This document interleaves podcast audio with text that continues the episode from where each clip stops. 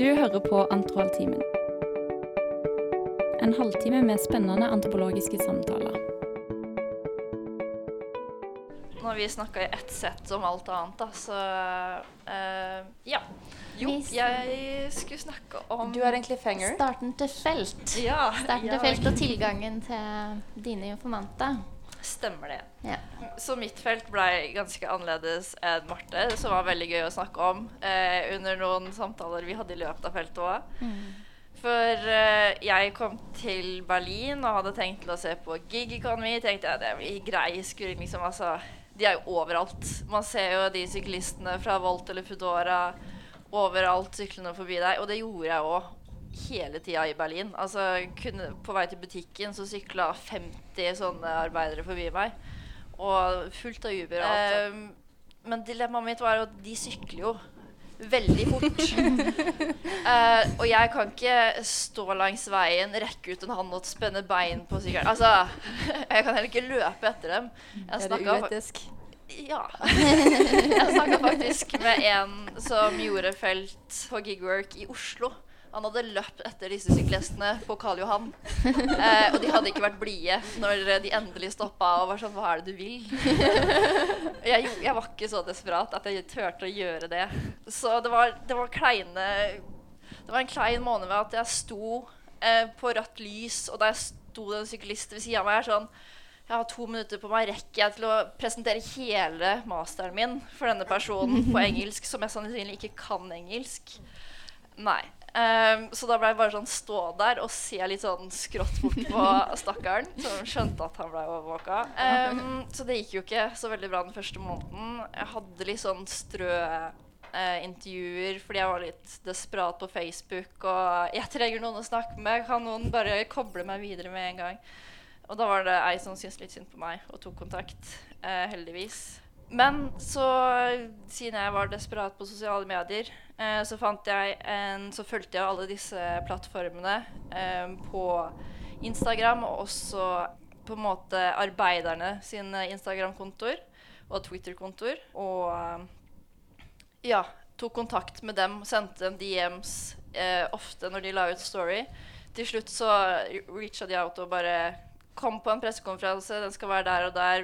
Gleder oss til å se deg. Så jeg gjorde det, og da, da Det var liksom Etter en måned med helt tørke, så endelig så var det åh, yes, så nydelig. Fikk jeg kontakt med sju stykker. Seks av dem ghosta meg, så det var hyggelig. um, men så var det den ene personen som um, ble enige om å møtes, og sånn fikk jeg tilgang til et ekstremt stort og intenst aktivistmiljø. Um, og jeg blei på en måte ikke medlem, men jeg blei med i gruppa der og fikk henge med dem på det arbeidet de gjorde.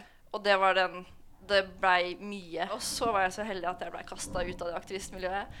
Eh, Pga. noen relasjoner som gikk litt eh, skeis, som jeg også har skrevet om i den teksten jeg har sendt inn til Kula Kula. Så dere kan lese om der. Det trenger ikke jeg å si, men kan jeg heller lese artikkelen min. ja. Nei, Så eh, det så- var mitt første møte med feltet. Veldig stille, mye Netflix. Og så gikk det etter hvert. Ja, det Eh, Men vi skal snakke videre om rollen som antropolog og forhold til informanter. Og eh, ja, du har jo allerede snakket om at det var ikke så kjempelett å få tilgang med det første, men man må jo Altså, eh, din posisjon i feltet påvirker jo din tilgang, da. Så vil du snakke litt om hvordan du som person opplevde uh, hva, Hvordan din posisjonering var. Man må jo ta en del forholdsregler når man drar ut på felt. Så er det en del sånn forun, hva man sier. Ja. Ehm, så man må på en måte Man kan ikke forberede seg godt nok til felt. Det går ikke. Du kan lese alt du vil. Altså, det kommer til å skje noe annet uansett. Så det sjokket jeg møtte på, som rolle som antropolog, tenkte jeg bare jeg er en grei jente. Jeg kommer der og skal snakke med dere om det dere er interessert for uansett. Så hva er problemet? Så fikk jeg høre at, eh, at jeg er egentlig altfor hvit. Og det er også et stort problem at jeg er jente. Noe som gjorde det veldig vanskelig for meg på en måte å komme i kontakt med disse folka. for Altså, det er teaser til artikkelen. Eh, hvis man er jente og gir mye oppmerksomhet til en gutt som ikke er så, har så mange kontakter, så ja, går ikke alltid det helt den retningen man ser for seg. Også det med at jeg er hvit, altså, den skjønte jeg ikke før jeg kom hjem, bladde gjennom bildene. Altså, dere ser det ikke så godt, men jeg har prøvd å ta med et bilde. Altså, jeg zooma inn Altså, jeg så meg selv på sosiale medier. Jeg var på en pressekonferanse og bare sånn Der er jeg. Altså, blant alle disse folka. Der er jeg. Altså, er, jeg var så synlig blant dem, og det var så synlig at jeg ikke hørte til dem. Men jeg ble brukt som på en måte, De kunne late som at jeg var advokat eller whatever. Altså, de brukte det til sin fordel, men jeg var ikke en del av dem, og det gjorde de veldig tydelig. Og det var en stor kontrast mellom våre felt, for jeg hørte ikke til. Mm. Mens Ja. Nei, jeg ble jo eh, Jeg ble jo bare antatt for å være en, en av gjengen hele tida, så jeg måtte egentlig være veldig sånn aktiv med å informere folk rundt meg sånn Jeg, Jeg er antropolog eller jeg er student, liksom, og, og fordi em, siden det òg var liksom store grupper som møttes, så liksom hadde nære relasjoner til noen av dem, og så var det folk utafor. Eh, og det er ikke alltid du rekker å ta runden sant, når det er gruppe, gruppesettinger man møtes i osv. Så, så plutselig så kanskje vi hadde sånn delvis hunget og brukt tid sammen ei ukes tid, eller sånn, og så kommer det opp i en samtale sant, at ja, at du forresten eier her fordi jeg samler inn data til et masterprosjekt. Og så er det sånn OK, for da blir det helt et sjokk igjen, for det ble jo bare antatt at jeg var lik som alle andre, bare var der. Jeg bodde, bodde på den måten. Eh, eh, fordi det var på en måte ingenting som gjorde at jeg stakk meg ut sånn eh, rent fysisk, i alder, i eh, levemåte. Sant? Jeg gjorde jo akkurat det samme som de gjorde. Og så både fra innsida av miljøet, men også fra utsida av miljøet, så ble jeg antatt av å bare være en del av gruppa. Eh, så tilgangen min eh, ble jo annerledes enn din der. Eh, så mitt problem var mer det at jeg måtte eh, være litt bevisst på å gjøre det eksplisitt at, at hvis jeg var i situasjoner hvor at her er det data som hentes inn osv., så, videre, så måtte jeg øh, ja, være påpasselig med å informere alle om det. Som av og til kan være øh, utfordrende. Det er ikke alltid man rekker det eller får det til. Og da må man jo ta en vurdering på om eh, er det ting man kan bruke eller ikke. Om den personen er informert eller ikke, da. Um, stort sett gikk det jo greit. Det var ikke et sånt stort problem. Egentlig så er det jo et luksusproblem at man blir uh, såpass godtatt som det, det jeg føler at jeg har vært. Um, uh, for det nettverket jeg fikk der, var jo liksom sikkerhetsnettet mitt når jeg var der. Og jeg kjente jo ingen før jeg dro til USA, så det ble jo uh, folk som står meg veldig nære, og som, som gjorde at jeg følte meg trygg der, gjorde at jeg, at jeg trivdes. Det var ja, veldig viktig å være nært på for min del. Mm. Ja, og det skal Altså, nå høres jo Altså, feltet mitt var veldig hyggelig, det òg. det høres ikke sånn ut i forhold til Marte sitt, men det var veldig hyggelig, det òg. Og jeg fikk meg gode venner som jeg fortsatt kontakt med, mange av informantene mine. Så Og så må det Jeg må også legge til at OK, greit, dere tenker at For det var min forhåndsdømmelse var at jeg skal til Berlin. Det er ikke så annerledes enn Norge. Men gigworkers er ikke hvite, privilegerte mennesker. Det er innvandrermigranter fra liksom over hele verden. Eh, og da gjerne India og Sørlige Afrika. Eh, og, eller nei, ikke Sørlige Afrika, Amerika. Sørlige Amerika. Så derfor skilte jeg meg veldig ut, og så var jeg jo kanskje litt høyere enn de fleste der òg. Så det var litt fåla over alle sammen. Men de tok meg godt imot, og de var veldig glad for at jeg på en måte ville se på det de slet med, da. Men uh, ja, det, det skapte jo en del Det er en dynamikk der som på en måte ikke er så fredelig, og da blir mye, mye mange andre relasjoner skapt på litt splid. Og da blir det mye splid underveis også. Så ja. Men det var hyggelig. Og så har vi jo snakka litt om sånn derre hva man gjør når man kommer i felt fordi at man tror at man skal få tilgang hvis man gjør sånn og sånn. ikke sant? Og hvordan man kler seg, hvordan man Ja. liksom oppfører seg. At, at det liksom skal påvirke da, den der tilgangen som man og prøve å være en del av gjengen. Ja. Eh, sånn som Vi hadde en medstudent som sa det at nei, hun hadde prøvd å liksom se ut som en forsker. Hun hadde på seg skjorta si og hadde liksom Når hun kom i felt, og så hadde egentlig hun bare fått sånne rare reaksjoner på det når hun først var der. Så eh, Ja, ja. det tenkte jeg òg. Ja, at, at eh, man skal liksom kle seg etter ja. rollen sin. Men den rollen som eh, forsker i felt, den er så mangfoldig, og så, så det er så mange sider til den, at du må jo egentlig bare møte opp som deg sjøl. Og så Ja. er du jo både antropolog, du er medmenneske, du er kanskje venn, du er alle de her rollene, og de blir jo veldig miksa sammen når du er på felt. I hvert fall min erfaring um, med det. Sånn at du, kan ikke liksom ta på deg forskerhatten, og så er du venn-hatten, og så Klær som Malinowski? Eh, Ja, sant. Ja. Mm. Ta på deg eh, litt sånn jungelklær, og så Da er du på felt. Um, så ja, den rollen er den er ikke sånn svart-hvit at nå er jeg forsker, og nå er jeg privatperson, nå er jeg sånn og sånn. Ja, Nei. Du prøvde vel å kle deg som en gig worker? Ja, nei. Jeg Ja, for hva er det? Altså, Da må jeg ha på en selvlysende jakke og eh, En sånn voltsekk? Ja, egentlig. Ja. Nei, så jeg tenkte jeg bare skulle se ut som en vanlig borger av Berlin, hva enn det skulle liksom være. Eh, så jeg tok på meg da linskjorta mi, som en typisk stakkars hun andre. Ja. Eh, og så svart bukse, og bare tenkte ok, nå skal jeg blende inn. Alle hadde på farger. Jeg var den eneste i svart-hvit. Altså, og jeg hadde også regneklær. Det var feil. Det skulle jeg ikke altså, Ja. Det handler jo om at Man skal jo kjøpe brukt i Berlin, det burde jeg visst. Men eh, Så det Altså Ja. Ja, det er jo Altså, det fins ikke noe mellomrom på felt. Det er derfor det er viktig å komme seg vekk. For er du på felt, så bor du i feltet. Altså, sånn som Marte bodde i bilen. Hvor enn hun dro, bare hun var i bilen, så var hun på felt. Ja. Hvis jeg skulle gå til matbutikken, så sto jeg og tok bilder av syklister som sykla forbi meg, og noterte Og ja, han så sånn Ok, han hadde på denne hjelmen, og ok, han brukte ikke hjelm. Og sånne ting. Du er alltid mindsettet felt. Og så var jo en av mine informanter var også en jeg bodde med, uten at han helt visste det. Um, så hver gang jeg hørte han, så var jeg litt sånn hm, OK, han gjør sånn. Ja, ok, greit. Og så skriver, skriver, skriver. så ja. Det, man, man kommer seg ikke vekk fra feltet. Så man må skape de pausene man trenger selv. Og man kan ikke tenke at det kommer naturlig inn i feltet. Da må Nei. du vekk. Og, men ikke bare nødvendigvis vekk heller. ehm, men planlegge aktiviteter som egentlig tar deg litt vekk fra det. da. Eh, I hvert fall prøvde jeg det i starten. Det, det sklei litt ut etter hvert, det må jeg si, for det, ting balla på seg. sant? Og det var ikke så mye tid. Men i starten så prøvde jeg å få meg sånne faste ting som jeg gjorde når jeg var i San Diego. da, Så hadde jeg faste dager hvor jeg gikk på f.eks. en dansetime. Hvor jeg ikke tok med meg aktivt, ikke inviterte med meg informantene mine. Tenkte sånn at det der går jeg alene, og så snakker jeg med folk som ikke er en del av det miljøet, egentlig. For å se om, om det, det funka. Og det, det var veldig fint, eh, egentlig, for da var du litt distansert fra det. Sammen med de her eh, turene som jeg tok innimellom, hvor jeg rett og slett bare tenkte at nå går jeg på en fjelltur for meg sjøl, eh, kjører av gårde.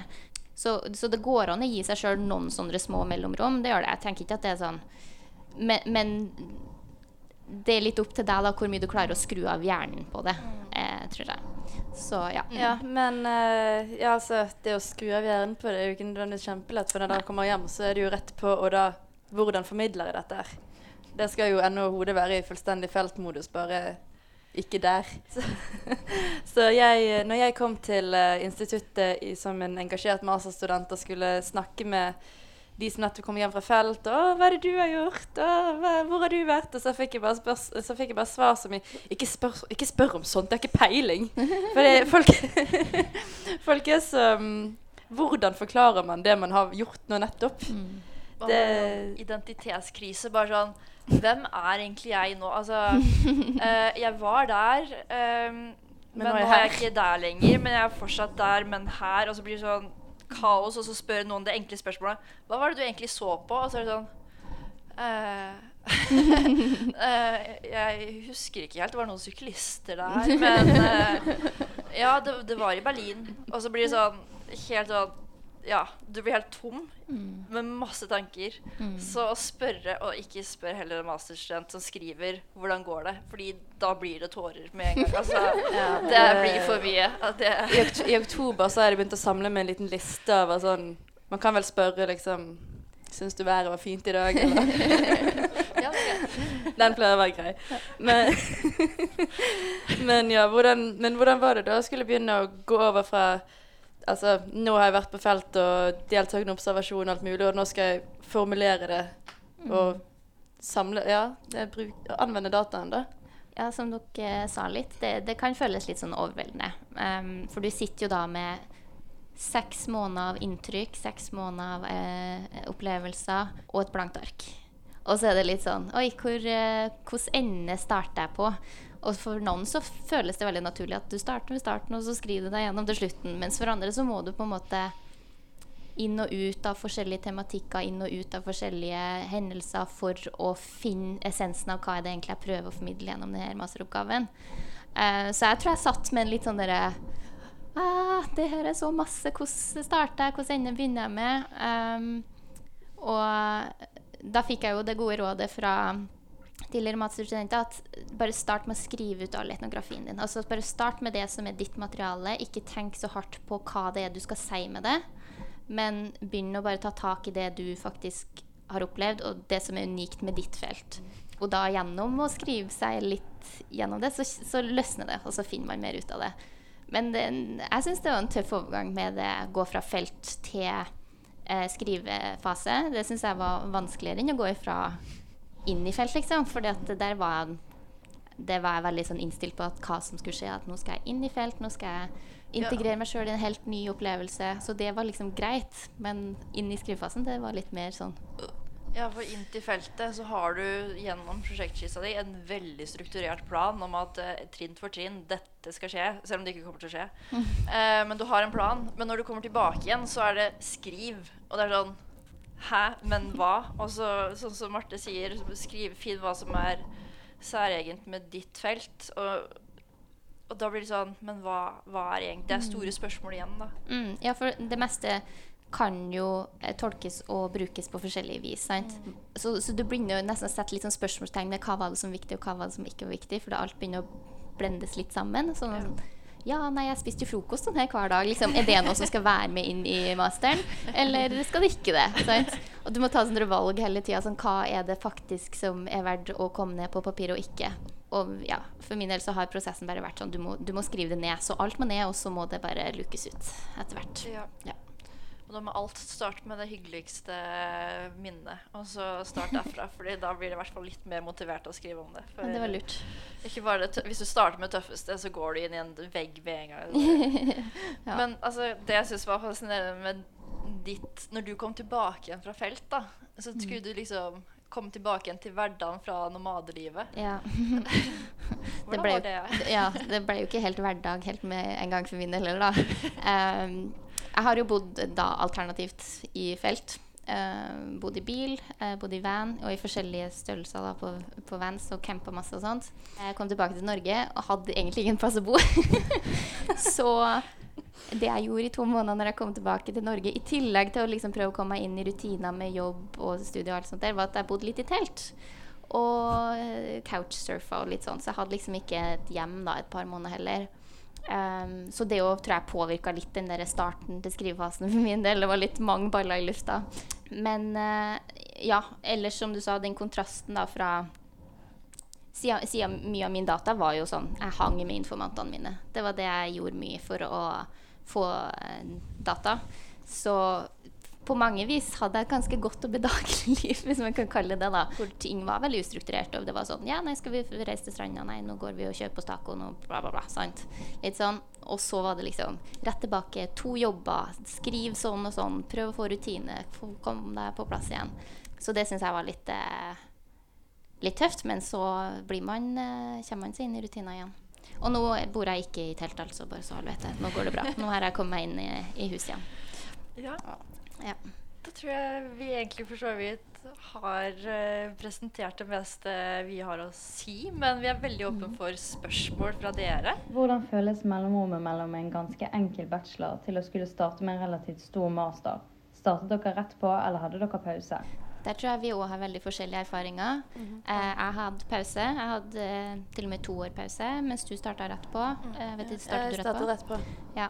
Eh, nei, så jeg hadde allerede, før jeg var ferdig med bacheloren, bestemte meg for at jeg skulle ha litt pause etter den. Satt av et år da, til at jeg skulle jobbe og bare eh, lande litt, eh, egentlig. Tenke litt. Og så ideen var jo jeg skal tenke ut masterfeltet mitt. sånn. Jeg skal finne ut hva det er jeg skal skrive om. Men det året gikk jo. Jeg hadde jo fortsatt ikke funnet ut hva jeg hadde lyst til å skrive om.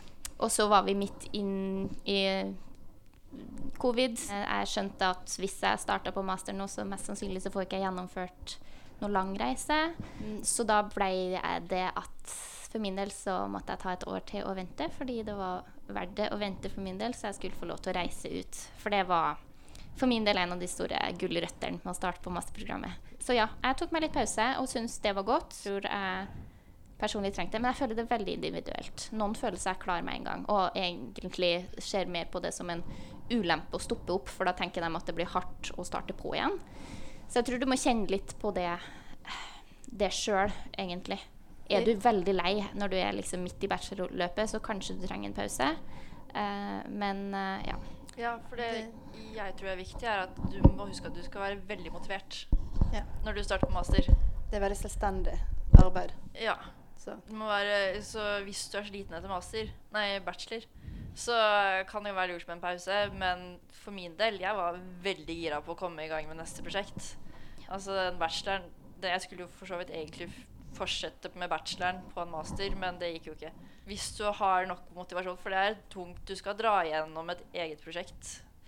Så, men absolutt Jeg er dritfornøyd med at jeg starta med en gang. Ja, altså, jeg var jo nettopp på bachelor selv. Jeg ble ferdig i vår. eh, og etter dette semesteret jeg var jeg egentlig bare kjempegira på å komme på felt. Så det, det føles ikke som et så stort steg, selv om det er jo det. Men det skaper jo også mestringsfølelse når uh, Vil jeg tro, da, for jeg har ikke mestret så mye ennå. jeg antar. Ja. Ja, nei, altså du blir jo altså, Hele bachelorløpet forbereder deg jo på å gå videre. Så hvis du har lyst til å gå videre, og du har gjort det greit gjennom bachelorløpet, så, så tenker jeg på at hvis du kjenner du har lyst, så er det bare å starte på. Fordi det Du får god hjelp på veien. Det, du skal jobbe selvstendig, men du får god hjelp på veien. Og så tror jeg hele bachelorløpet på antropologi er ganske store steg. Og så den bacheloroppgaven er et stort steg i seg selv. Så da føles egentlig ikke det steget mellom bachelor og første året på master, eller første semester på master så veldig stort. For da starter Nei. du bare på nytt igjen med at du har enda bedre tid på å faktisk utvikle et prosjekt enn du hadde på en bachelor. Så ja. Er det noen flere spørsmål? Ja. Et spørsmål om tilgang til informantene dine. I hvilken grad styrer du spørsmålene når du er med informantene dine? I mitt tilfelle eh, veldig lite.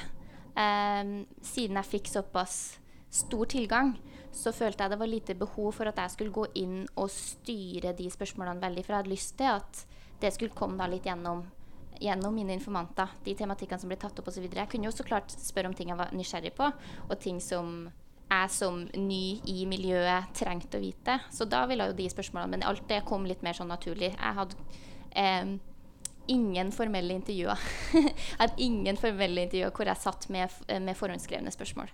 Eh, men det var veldig pga. spesifikt mitt felt, eh, hvor jeg kunne sitte og ha sånne timelange samtaler med informanter eh, hvor vi bare snakker om livet. Og da kommer det litt sånn fram det som er interessant, uten at jeg trenger å spørre veldig sånn dere ja, eh, noen av de tematikkene som jeg er interessert i, da, er f.eks. klasse og fremmedgjøring. Så da sitter ikke jeg og spør sånn Føler du deg fremmedgjort? Føler du altså, du, det, det, det er jo Du snakker om livet, og så kommer det fram.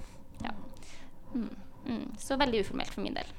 Jeg hadde også ganske lik erfaring for mye av mine intervjuer. Altså, mye av min kommunikasjon med informantene mine var å gå tur med dem. Mellom eh, Når vi var på eh, aktivistmøter, så satt jeg og observerte møtene. Jeg blanda, prøvde ikke å blande meg så mye inn, det var litt vanskelig, for jeg har mye meninger selv. Men også når de skulle gå rundt og verve folk, så var jeg med. Og hørte litt hvordan de snakka med folk, og hvordan de på en måte snakka med hverandre, og hva de hadde lyst til å fortelle meg. Det er også veldig viktig å la dem få Mm. si hva de tenker er interessant. For de veit hvor du er. Du vet, de veit at du har en rolle som forsker. Så de kan velge litt selv hva som er viktig å fortelle deg, istedenfor at du graver. Ja. Så man får mye godt av å også bare gå rundt. Eller bare henge, på en måte. Mm. Men så har vi jo også snakka med masterstudenter som deres hovedkilde til sin data var litt mer strukturerte ja. eh, intervjuer pga. Forskjellige situasjoner med deres felt. Sånn at man eh, må eh, vurdere metodene sine litt ut ifra hvilket felt man har, hvor tilgangen sin osv. Um, så ja. Men for min del var det mest uformelt. Er det noen flere spørsmål? Ja? Skrev dere bachelor og master om samme tematikk og region, eller endra dere det helt?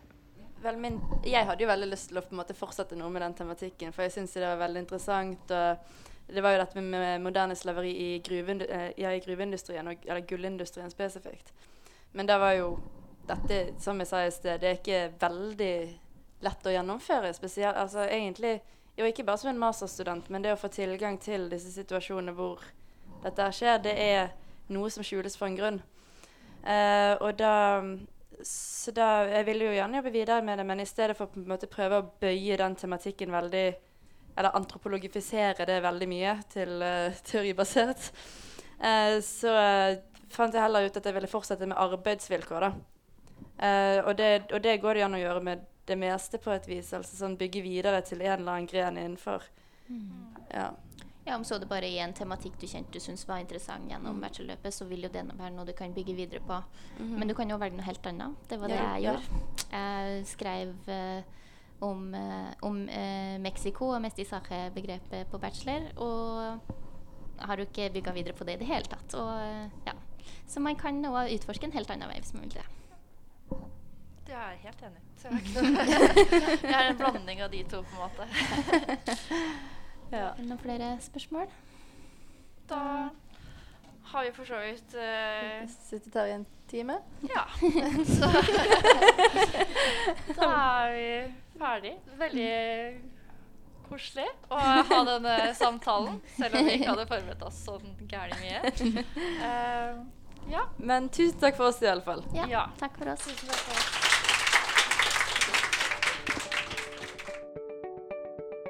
Tusen takk for at du hørte på Antrohalvtimen. Følg oss gjerne på sosiale medier på ett Antrohalvtimen. Hvis du sitter inne med spørsmål eller innspill til temaer du vil høre mer om, så ta gjerne kontakt med oss. Vi ønsker også å få med oss flere folk til å bidra i podkasten, så bli gjerne med uavhengig av hvor du er i studieløpet. Ingen forkunnskaper er nødvendig, så det er bare å ta kontakt.